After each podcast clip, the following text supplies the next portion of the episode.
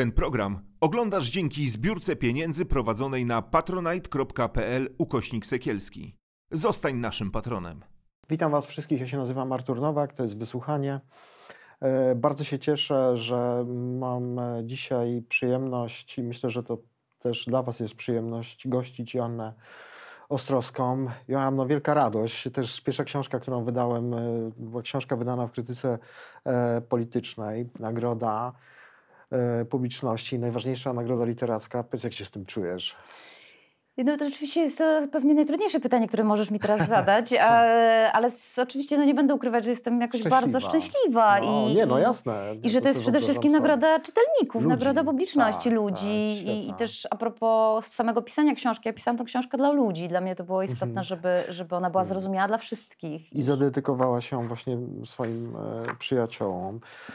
No Joanna, Joanna to jest taki kopernikański umysł, mm, doktorka nauk humanistycznych, ale też e, krytyczka literacka, Filmowa. filmowa, przepraszam, dramaturżka, zajmuje się tematyką związaną z przemocą seksualną w, ramach drugiej, w czasie II wojny światowej. Bardzo ważna książka Joanny z 2018 roku, również wydana przez krytykę polityczną, Przemilczane seksualna praca przymusowa w czasie II wojny e, światowej. Książka, z którą do nas przychodzisz, ta książka nagrodzona to oni, homoseksualiści w czasie II wojny światowej.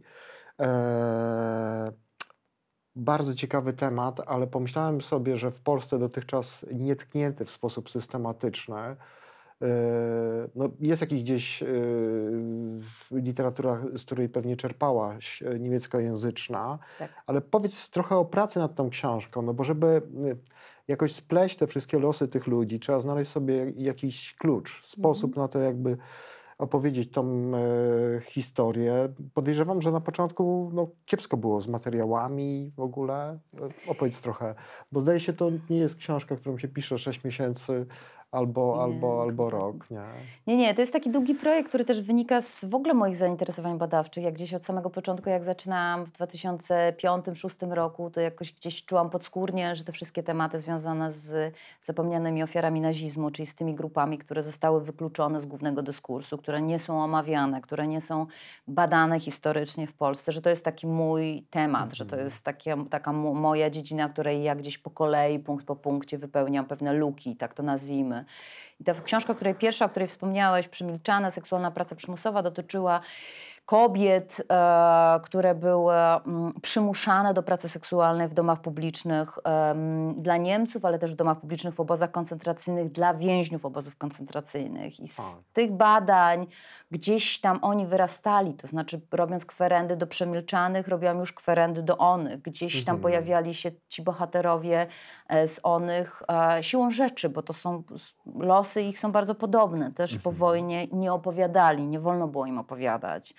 Um, nikt nie chciał ich słuchać. To świadkowanie w ich przypadku zostało całkowicie zablokowane. Często oni sami podejmowali decyzję, że nie chcą mówić, że chcą milczeć, co wynikało z, z jednej strony ze strachu, z drugiej strony z, mm, z takiego przekonania, że też nie ma kto słuchać, że ta ich opowieść nie jest istotna. I praca nad tą książką była pewnym procesem, bo z jednej strony, tak jak wspomniałeś, rzeczywiście mnie przekonywano, przede wszystkim na moich uniwersytetach, na których studiowałam, później robiłam doktorat, że nie jestem w stanie napisać tej książki, bo nie mamy źródeł. Mhm. I oczywiście mogłam zaufać temu Mhm. um, przekonaniu albo sprawdzić. No i zdecydowałam się na tą drugą opcję, bo tak rozumiem. e, Przekorna jesteś. ale też tak rozumiem zawód historyka, historyczki, no czy też e, ideę. I okazało się, że jakby jest zupełnie inaczej. I najtrudniejsze przy pracy nad tą książką było wybranie materiału, znaczy wymyślenie struktury, która będzie jak No najbardziej więc o to pełna. pytam, no właśnie.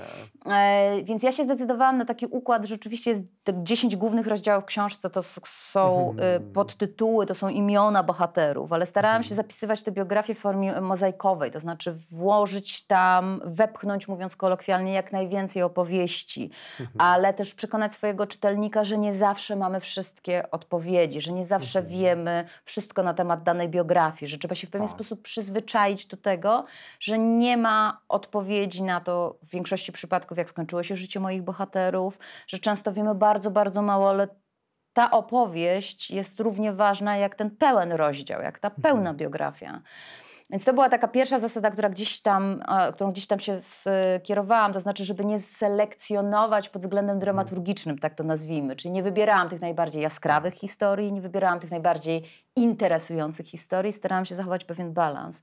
A druga rzecz, e, ja od początku tych badań słyszałam trzy rzeczy. To znaczy, że nie zajmowaliśmy się tą historią, bo to byli Niemcy, więc to nie jest nasza historia, bo było ich bardzo mało. Więc po co się zajmować małą ilością e, więźniów Mhm. obozów koncentracyjnych? W sensie czysto liczbowym. No z tą małą ilością to chyba troszeczkę nie do końca jest tak e, mm, prawda, prawda? No tak, właśnie to jest ta jeszcze. zmiana, No rzeczy, właśnie. właśnie ta Mhm. zmiana, której też Mhm. pewne klisz myślowych, które my mamy w Tak, głowie, tak. pewnego przekroczenia tych klisz. No ale trzecia rzecz, że większość tych, e, tych ludzi, którzy byli skazywani na mocy paragrafu 175 kodeksu, niemieckiego kodeksu karnego, Mhm. penalizującego relacje seksualne pomiędzy mężczyznami, że to byli predatorzy seksualni, że to byli gwałciciele, że oni wykorzystywali seksualnie młodych mężczyzn i chłopców w obozie. To była ta klisza, która dominowała, dlatego że nie Mhm. ruszano tego tematu w Polsce. No, moja książka i moje badania wskazują, że jakby No rzeczywistość jest zupełnie inna. Przypomnijmy, że e, prawo, jeśli chodzi o penalizację czynów e, homoseksualnych, no było inne w Polsce, inne e, w Niemczech. Co ciekawe, to w Niemczech było bardziej opresyjne. Kodeks Makarewicza e, mm, tak naprawdę same relacje homoseksualne były zdepenalizowane w Tak. Polsce. Inaczej wyglądało to w, to w Niemczech. E, Chciałem się Ciebie spytać, czy możemy podać jakieś liczby osób, które się przewinęły przez e, obozy stworzone przez nazistów? Y, Wiesz co, to jest oczywiście dość trudne pytanie w tym sensie, że z jednej strony są liczby, to jest ta, ta, te stare ustalenia, że od 10 do 15 tysięcy więźniów, em, którzy byli skazani na mocy paragrafu 175 trafiło do obozów koncentracyjnych, ale to jest szacunek, który dotyczy tylko i wyłącznie Mhm. więźniów pochodzenia niemieckiego. Tak. Ja w książce zajmuję się zarówno takimi biografiami, jak i, i to było dla mnie najważniejsze, żeby przekroczyć kolejny stereotyp i pokazać, że pod paragraf 175 podpadali również mężczyźni innych narodowości. Więc do tego szacunku już mężczyzn innych narodowości nie dołożono. Plus mnóstwo osób nieheteronormatywnych było prześladowanych na mocy innych paragrafów albo trafiało do jednostek penitencjarnych z innych powodów i dokładano po prostu paragraf 175 w przypadku kobiet na, w, zgodnie z prawem niemieckim kobiety nie były Tak, par, e, ale był, Mhm. był szereg innych paragrafów, pod które można było je podciągnąć.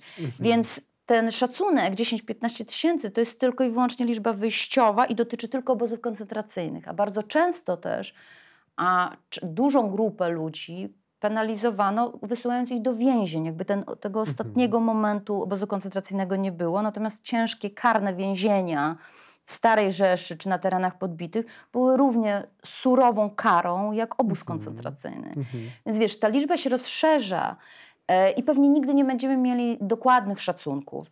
Ale jeszcze jedna rzecz, od, od której zacząłeś to pytanie, bo powiedziałeś, że kodeks Makarewicza, polski kodeks 1932 Tak, drugi rok. wchodzi w 1933 e, i rzeczywiście był to bardzo otwarty, nowoczesny kodeks. Polska jako pierwsza nie wprowadziła penalizacji em, relacji Tak. No Niemcy to jest spuścizna Bismarcka, 70 rok. 80... 71, Tak, 72. tak, tak. Ale Mhm. jedna rzecz, którą, o której też piszę w tej książce, która jest ważna i o której powinniśmy pamiętać w polskim społeczeństwie, że jednak w kodeksie Makarewicza był artykuł 207. Artykuł 207, który dotyczył tak zwanej a profesjonalnej, zawodowej prostytucji osób tej samej płci. Czyli, że w, momen, w momencie, kiedy pojawiał się zysk w relacji, Korzyść, korzyść, korzyść, to tak, było określane tak. jako zysk, w, w relacji osób tej samej płci korzystano z 207 3 lata. Ty, ty, ta- ty piszesz właśnie, że to mogło być kino, wyjazd, tak, Dokładnie. e, e, tak to, taka doktryna była, wykładnia I, i tego tego, przepisu. uży, tego paragrafu używano zarówno przed wojną, jak i po wojnie Mhm. do tego, żeby prześladować e, osoby nieheteronormatywne. E, I zwróć uwagę, że ten artykuł 207 dotyczył zarówno mężczyzn, jak i kobiet. Ale to jest w ogóle ciekawe. m, Zastanawiałem się nad y, tymi Niemcami, tak? Dlaczego e, e, no zazwyczaj y, bardziej opresyjne prawo stosu, stosuje się no wobec kobiet, to znaczy prawo prawem, ale ja mówię też tak. o, o, o tym e, wielkim temacie związanym z patriarchatem. A tutaj akurat ko kobiety no, jakoś oszczędzono w Niemczech. To, no, Wiesz co, to też jest, to, to Mhm. trudno jest, to też jest taka, taka jakby wierzchnia warstwa, bo z drugiej Mhm. strony mnóstwo jest tych badań, między innymi Anna Hajkowa, Klaudia Szopman, tylko wiesz, te rzeczy nie docierają do Polski, one są nietłumaczone. Dlatego stąd gościsz i chciałem o Do- to dopytać. Mhm. I e, w przypadku kobiet bardzo często stosowano po prostu inne paragrafy, na przykład paragrafy penalizujące pracę seksualną w Mhm. e, Niemczech w czasie II wojny światowej i wcześniej. Paragrafy e, dotyczące Mhm. tego, że zachowujesz się chuligańsko na ulicy. E, I to, to było wyjście z sytuacji. Z czego to wynikało? Że uważano, jakby ideologia nazistowska głosiła, że tak naprawdę um, resocjalizacja kobiet nieheteronormatywnych może przecież być Mhm. przeprowadzona w domu. Wystarczy je połączyć w heteroseksualne związki. Aha, rozumiem. Ale to nie znaczy, że kobiety nieheteronormatywne nie trafiały do ciężkich więzień karnych albo do obozów koncentracyjnych. Jak najbardziej trafiały i były kategoryzowane w tej kategorii czarnego winkla, czarnego trójkąta. Mhm. To jest jeszcze przed nami, to są zresztą, wyprzedzając pewnie Aha. z Twoich pytań, to jest y, mój kolejny plan na kolejną publikację. A, rozumiem. No póki co y, no był inny trójkąt innego koloru i bardzo często, y, mówię o tym czerwonym trójkącie, tak, Mhm. e, który no, no był takim stygmatem e, naznaczającym osoby nieho, y, niehomonormatywne. E, mm, I takie pytanie jest, na ile, bo przecież były też takie e, przypadki, nie dochodziło do pewnych jakichś takich tragicznych pomyłek, e, kiedy osoby e, no, o normatywnej orientacji, jakoś nie lubię tego słowa, no Mhm. ale chodzi mi o to, doprowadzono do sytuacji, w której no, ponosiła ona odpowiedzialność za to drakońskie i nieludzkie prawo. Mhm. To jest wstrząsające zupełnie. Tak, i to jest też, y, cieszę się, że o tym mówisz, w tym sensie, że, że to jest kolejna jakby opowieść o pewnych kliszach, tak? To znaczy kliszach nazistowskich, które my gdzieś przejęliśmy w tym dyskursie Mhm. powojennym. A, I ja też powiedzmy, że jak najbardziej reprezentowałam ten nurt przez jakiś czas swoich badań. Znaczy te badania w ogóle zaczynały się od szukania osób, które były oznaczone różowym trójkątem. Tak? Różowym, tak, przepraszam. I to, Mhm. jest, to jest jedna rzecz, ale z drugiej strony to, co mówisz, to znaczy, że sytuacja była o wiele bardziej skomplikowana. Bardzo często pod paragraf i nosili różowy trójkąt ludzie, Mhm. których orientacji seksualnej, tożsamości płciowej dzisiaj nie znamy. Oni mogli być heteroseksualni, No biseksualni, właśnie o tym różni. tak. Więc też a, to jest coś, co gdzieś jest przyszłością tych badań, co, co ja próbowałam zapisać w tej książce, a, że to takie kompletnie beznamiętne powielanie nazistowskich kategorii dzisiaj, Mhm. wiara w to, że one były bardzo ostre, że po, jeśli ktoś był sądzony na mocy paragrafu 175, to na pewno był mężczyzną homoseksualnym, Mhm. jest błędem, tak? że No to właśnie. jest coś, co Mhm. gdzieś próbujemy przekroczyć. Więc też zobacz, jak pytasz mnie o szacunki, to ja ci mogę znów podać szacunki, używając cały czas tych starych kategorii. Tak, nie? tak, Nie, tak. Natomiast rozszerzamy to. Roz, ja mówię, że to jest proces Mhm. rozszczelniania tak naprawdę tej Mhm. opowieści, pokazywania, że no, często ta odpowiedź jest bardzo, bardzo szara, że to nie są em, czarne ani białe opowieści, że to są tak naprawdę Mhm. scenariusze, które, które mają o wiele więcej pytań niż odpowiedzi. I taka ta historia jest. Dla mnie ta historia też jest takim memento, bo żyjemy w takich czasach, niestety, kiedy podnosi łeb ta brunatna narracja, no, przede wszystkim Kościoła katolickiego, zblatowanego e, z tą naszą totalną e, e, władzą e, i nie zdajemy sobie sprawy, e, jak wielkie pokłosie nienawiści i Mhm. dehumanizacji ludzi e, no właśnie jest, jest, jest, jest tym pokłosiem tych słów, niewinnych słów. Znaczy, no sporo mamy Tak. na ten temat tego przykładu. Powiedz, no bo opisujesz pewne jakieś o- okrucieństwo. Mm, Czy co, co na tobie największe wrażenie e, zrobiło? Bo tu jest wiele przykładów Mhm. takich. Dla- Pytam o to dlatego, że e, mm, mm, mam wrażenie, że my sobie nie zdajemy sprawy, jak słowa ranią, jak one wpuszczone raz w obieg, e, oceniające, wdrukowują czasami e, w myślenie o, o, o innych ludziach po prostu nieprawdę, która potęguje nieprawdopodobną nienawiść. Wiesz co, odpowiem troszeczkę może pokrętnie, ale wydaje mi się, jak, jak zadałeś mi to pytanie, jak cię słuchałam, to chyba to była pierwsza rzecz, która mi przyszła do głowy. To znaczy, dla mnie najtrudniejsze przy pisaniu tej książki, przy też byciu z tymi źródłami, czytaniu tych źródeł, było to, co działo się w Polsce w 2019-2020 roku. Czyli ta Mhm. kampania homofobiczna, dzisiaj jest transfobiczna, wtedy homofobiczna Tak. kampania z jednej strony Kościoła katolickiego, to jest dość, tak powiedziałeś, dość tradycyjne, prawda? Tak, tak, tak. Ale z drugiej strony mówię o słowach e, prezydenta Andrzeja Dudy, mówię o słowach arcybiskupia Jędraszewskiego i chyba to jest ten, to clue, to znaczy ta tęczowa zaraza. Mhm. Z czego to wynika? E, Ja w tej książce też próbuję pokazać, że ten koncept zarazy zachodniej, choroby tęczowej dzisiaj, kiedyś niemieckiej, Mhm. e, dominuje w tym społeczeństwie przez cały XX wiek. Że to jest taka, taka Mhm. kategoria, która jest gdzieś dziedziczona, że w ten sposób pisano o nieheteronormatywności na początku XX wieku w gazetach polskojęzycznych, w zaborze pruskim, później przez całe dwudziestolecie tak naprawdę ten koncept cały czas tutaj jakby był, był żywy. To Tak. się pojawia w relacjach więźniów, głównie więźniów politycznych, byłych więźniów politycznych po wojnie i nagle dochodzimy do tego, że współcześnie ten język jest praktycznie tożsamy. No więc właśnie. I to było dla mnie najtrudniejsze, żeby jakby zachować jakiś balans też, ale z tego wynika też moje jakby przekonanie o tym, jaka jest moja rola jako historyczki queerowej, że to Mhm. jest... Ja zawsze w jakimś tam sensie jestem też aktywistką. Znaczy to jest Mhm. moja rola też, żeby poprzez pisanie takich książek uzupełniać te luki, to jest jedna rzecz, ale też jakby odsłaniać to, co powiedziałeś, to pokazywać, że te przyzwyczajenia językowe, które mamy, mają pewną historię, plus, że nie zajmowanie się queerową historią przez tyle lat w Polsce, no ma takie pokłosie, a nie inne. To też jest szokujące, że no tyle lat po tych y, no, makabrycznych zdarzeniach, y, przy okazji wystawy, tak, Mhm. poświęconej osobom niehomonormatywnym, y, no pojawiają się głosy i to nie takie jakieś całkiem odosobnione, że to jest jakaś afirmacja homoseksualizmu. To jest w ogóle nieprawdopodobne, Mhm. tak? Y, I ludzie, którzy angażują się, no są historykami też, no i Mhm, taka jest e, ich rola, słyszą e, takie przykre słowa.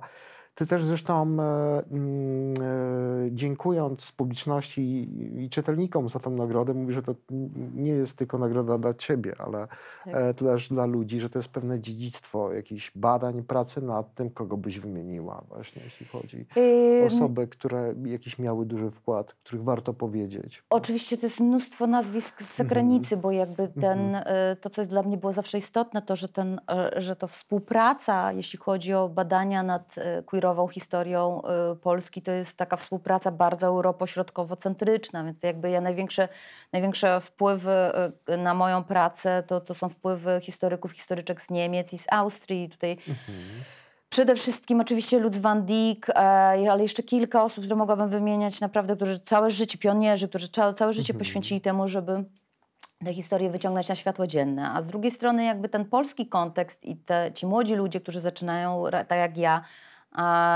wprowadzać te wątki i e, ja powiedziałam wczoraj w trakcie w trakcie gali wymieniłam grupy, powiedziałam o aktywistach i aktywistkach, powiedziałam o badaczach i badaczkach, powiedziałam o archiwistach i archiwistkach i, to jest ta Tak. grupa, która jest najbardziej dla mnie, która była na, najbardziej dla mnie znacząca, bo to ci często kompletnie anonimowi dla większości ludzi, Mhm. a te osoby y, umożliwiły mi moją pracę. I tak jak powiedziałam wczoraj, często wbrew instytucjom, w, któ- w których pracują. Ale jeśli chodzi o nazwiska w Polsce, to myślę, że, że, że to jest dobry moment, żeby też powiedzieć, że jest kilku takich profesorów na polskich uniwersytetach, którzy mnie poparli. To jest przede wszystkim profesor y, Marcin Kula, to jest profesor Jacek Leociak. Tak, on świetne książki na temat dwudziestolecia międzywojennego, nie, kuli. e, Tak. Super to jest. No e, i to, to były takie osoby, Mhm. które wiesz, które mnie gdzieś, e, profesor Małgorzata Radkiewicz, to Mhm. były takie osoby, które w odpowiednich momentach w tej mojej Mhm. trudnej pracy podały mi rękę, popchnęły mnie do tego, żeby, żeby dalej robić to, co robię. Natomiast z, z takich moich queerowych już przyjaciół i współautorów e, e, często, no to są fenomenalne badania Kamila Karczaskiego dotyczące lat e, 20., 30., a propos tego, co działo się w Polsce w tym queerowym świecie. Matthias Voigt, Mhm. Um, pisze też fenomenalny doktorat na temat tego, co działo się w kulturze queerowej, kulturze Mhm. gejowskiej w, na Dolnym Śląsku y, przed wojną. Krzysztof Tomasik, y, który no, tak, już jest... Krzysiu, gościu, zapraszam Was, jeżeli chcecie zobaczyć ten e, akurat odcinek. E, Krzysiu jest takim e, badaczem z kolei PRL-u, jeśli chodzi Tak, o tak, właśnie wojnie. historię osób.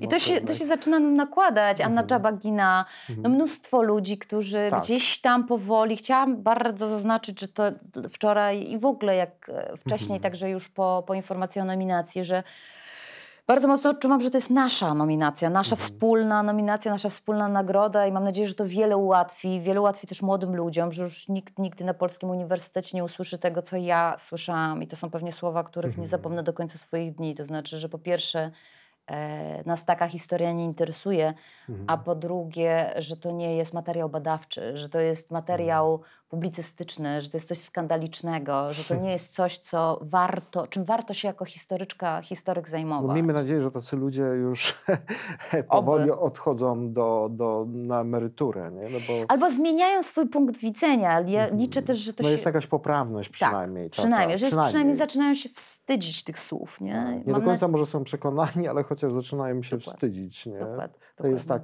No wiesz co, bo tak sobie pomyślałem też, że mm, mówiliśmy tutaj o tym e, dziedzictwie tego e, no, myślenia hitlerowców na temat y, mniejszości seksualnych, tak, osób niehomonormatywnych, mm, w, w, no, nieodległego czasu, tak. Ale z drugiej strony trochę się ta Polska zmienia. No, sam fakt, że, no nie wiem, czytelnicy przyznają e, ci te e, nagrody, że takie książki się piszą, takie książki się sprzedają, tak?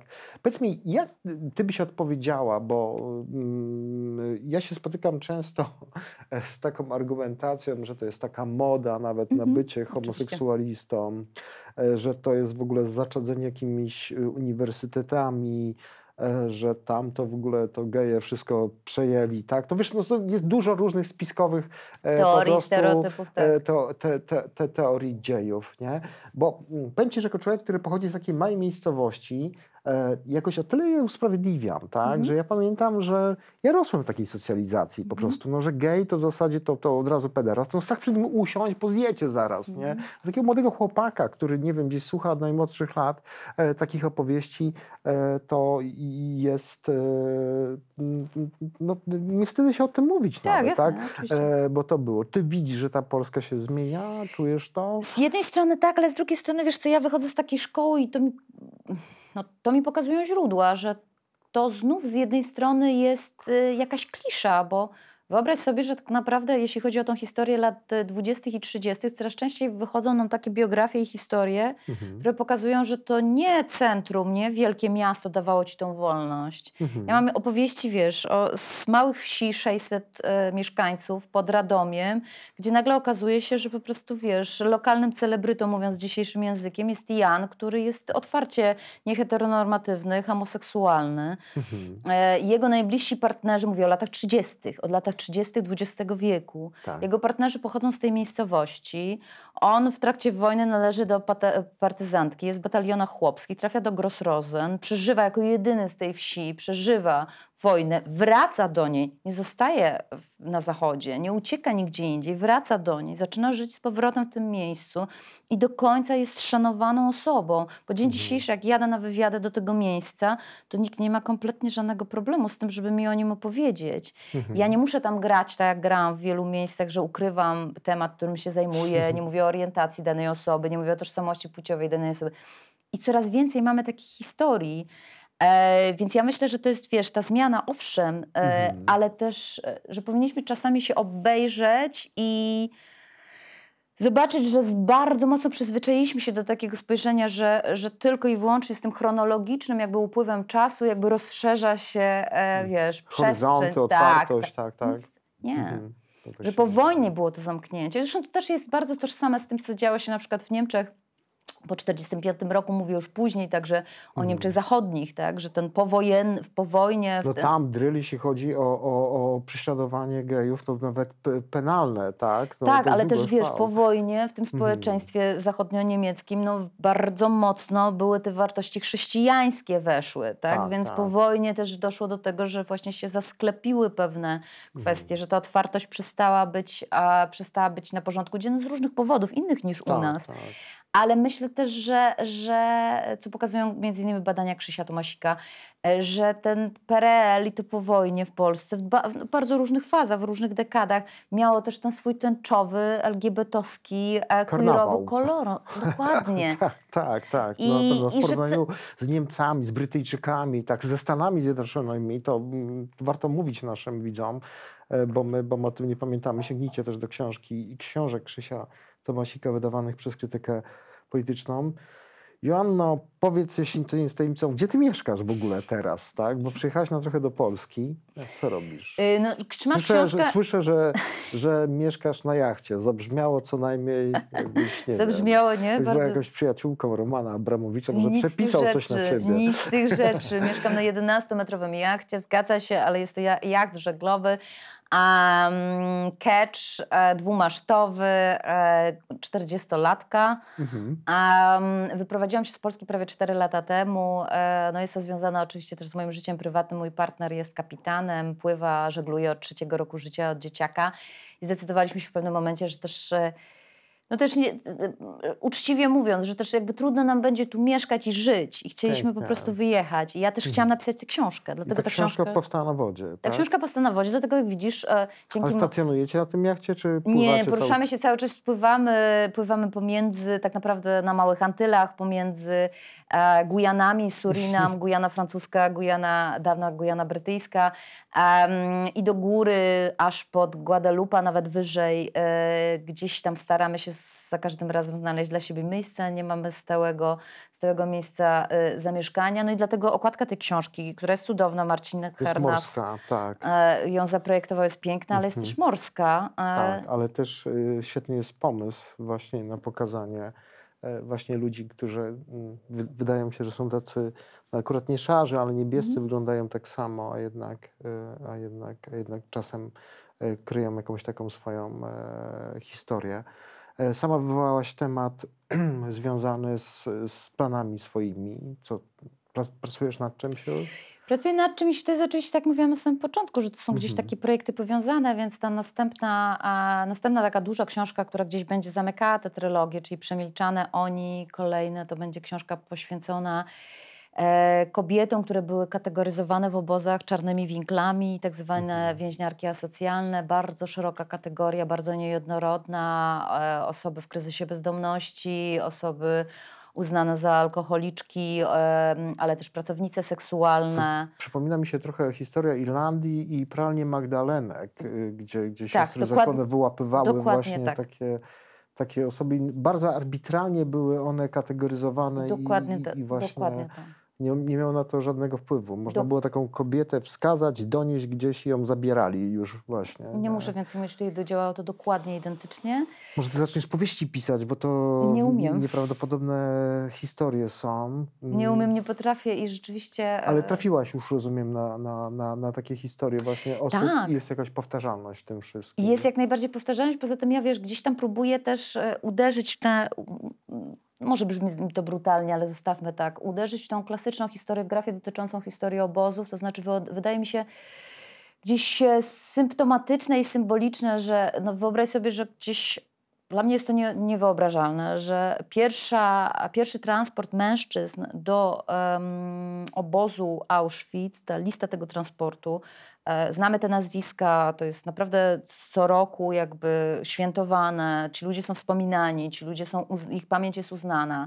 Natomiast pierwszy transport kobiet z Ravensbrück do Auschwitz, Mhm. pierwsze kobiety w kompleksie obozowym Auschwitz-Birkenau, ta lista po dzień dzisiejszy, no ona się nie zachowała, ale historycy są po to, historyczki, żeby ją odtworzyć. Nikt nigdy się tym nie zajmował, bo Mhm. część z tych, duża część z tych kobiet w tym transporcie to były właśnie czarne winkle, to były właśnie Mhm. ASO. Więc ponownie, to co mówiłam przy onych, uznano, że nie ma sensu zajmować się takimi kobietami, Mhm. że te wszystkie kobiety, podobne losy jak, to, jak tego, o Mhm. których wspomniałeś, Magdalenki, e, z Magdalenek, że, że to są takie losy i takie opowieści, które tak, których my tak naprawdę nie chcemy, bo to, są te, ten, tak, to jest ten tak zwany margines społeczny. Mhm. To są A, Dalina- niebohaterki. Nie? Tak, ale to też był taki duży, duży, duży wyrzut sumienia, bo to oczywiście na zupełnie inną skalę działo się Irla- w Irlandii, no, no, na, na dużą skalę, ale to społeczeństwo przez wiele lat było niedojrzałe, żeby na ten temat Mhm. mówić. Dopiero ujawnienie jakichś masowych grobów wokół tych klasztorów, tych kobiet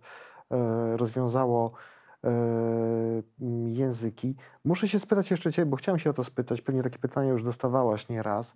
E, Dlaczego właśnie w- takim przedmiotem Twoich badań są e, obozy koncentracyjne?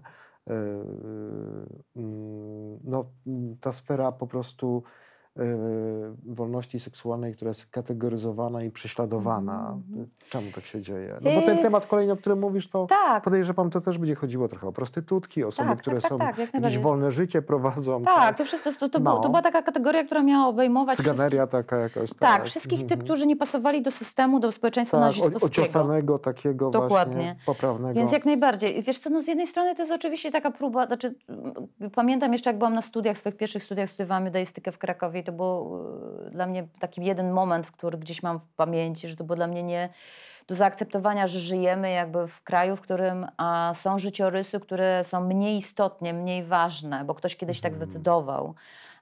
I że my gdzieś powielamy takie przekonanie. Więc ten koncept zapomnianych ofiar nazizmu bardzo mnie gdzieś ruszył. Jak gdzieś y, wydawało mi się to, obserwując też badania niemieckie, austriackie, to co się dzieje na Zachodzie, że gdzieś to, że w Polsce z tą historią my nie zajmujemy się tymi, tymi tematami, no to jest gdzieś jakiś naprawdę błąd, który trzeba naprawić. I oczywiście jako młoda osoba, wiesz, miałam o wiele, byłam o wiele bardziej bojowa, miałam o wiele bardziej... e, Dalej jesteś młoda.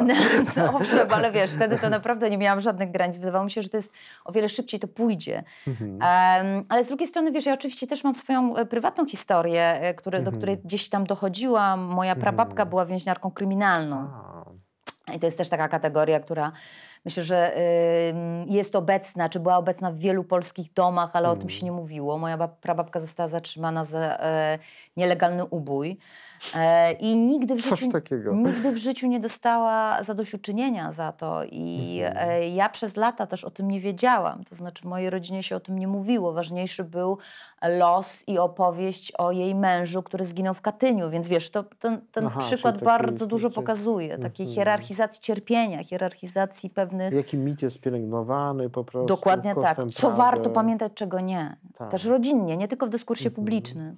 Nie, pytam się o to, bo to często tak jest, że osoby zajmujące się na przykład kościołem, tak jak na przykład ja ma, ma, mamy taką kartę po prostu takiej, e, takiego przywiązania do instytucji, takiego odklejenia się od tego i potrzeby takiego, żeby wykrzyczenia, a potem już jakiegoś może z chłodną głową opowiadania o Mhm. tym. I pytam się o to, bo, no bo wykonałaś nieprawdopodobną pracę, żeby, żeby napisać tą książkę, tą poprzednią, tą następną pewnie, e, pewnie też. Kiedy wracasz na ten jacht? No jestem w Polsce jeszcze dwa miesiące. W, tak naprawdę na początku grudnia wracam. No i zobaczymy, Mhm. co będzie dalej, ale w 2023 roku raczej chyba nie przylecę do Polski. Będę sobie pływać i, i pisać tam nowe rzeczy. Ale kto wie, to też nigdy nie można zaplanować. Właśnie to jest idea mieszkania na wodzie, że nigdy nie możesz przewidzieć, co się stanie na, w ciągu najbliższego miesiąca. No to się cieszę, że udało mi się trochę ciebie na, na że, że udało mi się cię chwycić na lądzie. E, Słuchajcie, bardzo was zapraszam do przeczytania tej książki y, Joanny Ostrowskiej, e, ale też do przeczytania jej poprzedniej książki e, Przemilczane. Seksualna praca przymusowa w czasie II wojny światowej. Historia ma to do siebie, że przyglądamy się jej coraz bardziej pewnym zjawiskom, pewnym zdarzeniom z lotu ptaka, ale też obniżamy loty i możemy zobaczyć e, więcej szczegółów. Czasem potrzeba dużo czasu. Tutaj potrzeba było 70 lat, e, a nawet więcej, e, żeby ten pułap złapać. Joanno, ja Ci bardzo dziękuję za tę książkę Dziękuję pięknie. i serdecznie gratuluję. I no, do zobaczenia może w 2024. Spróbujmy. Dzięki śliczne. Ten program oglądałeś dzięki zbiórce pieniędzy prowadzonej na patronite.pl ukośnik sekielski. Zostań naszym patronem.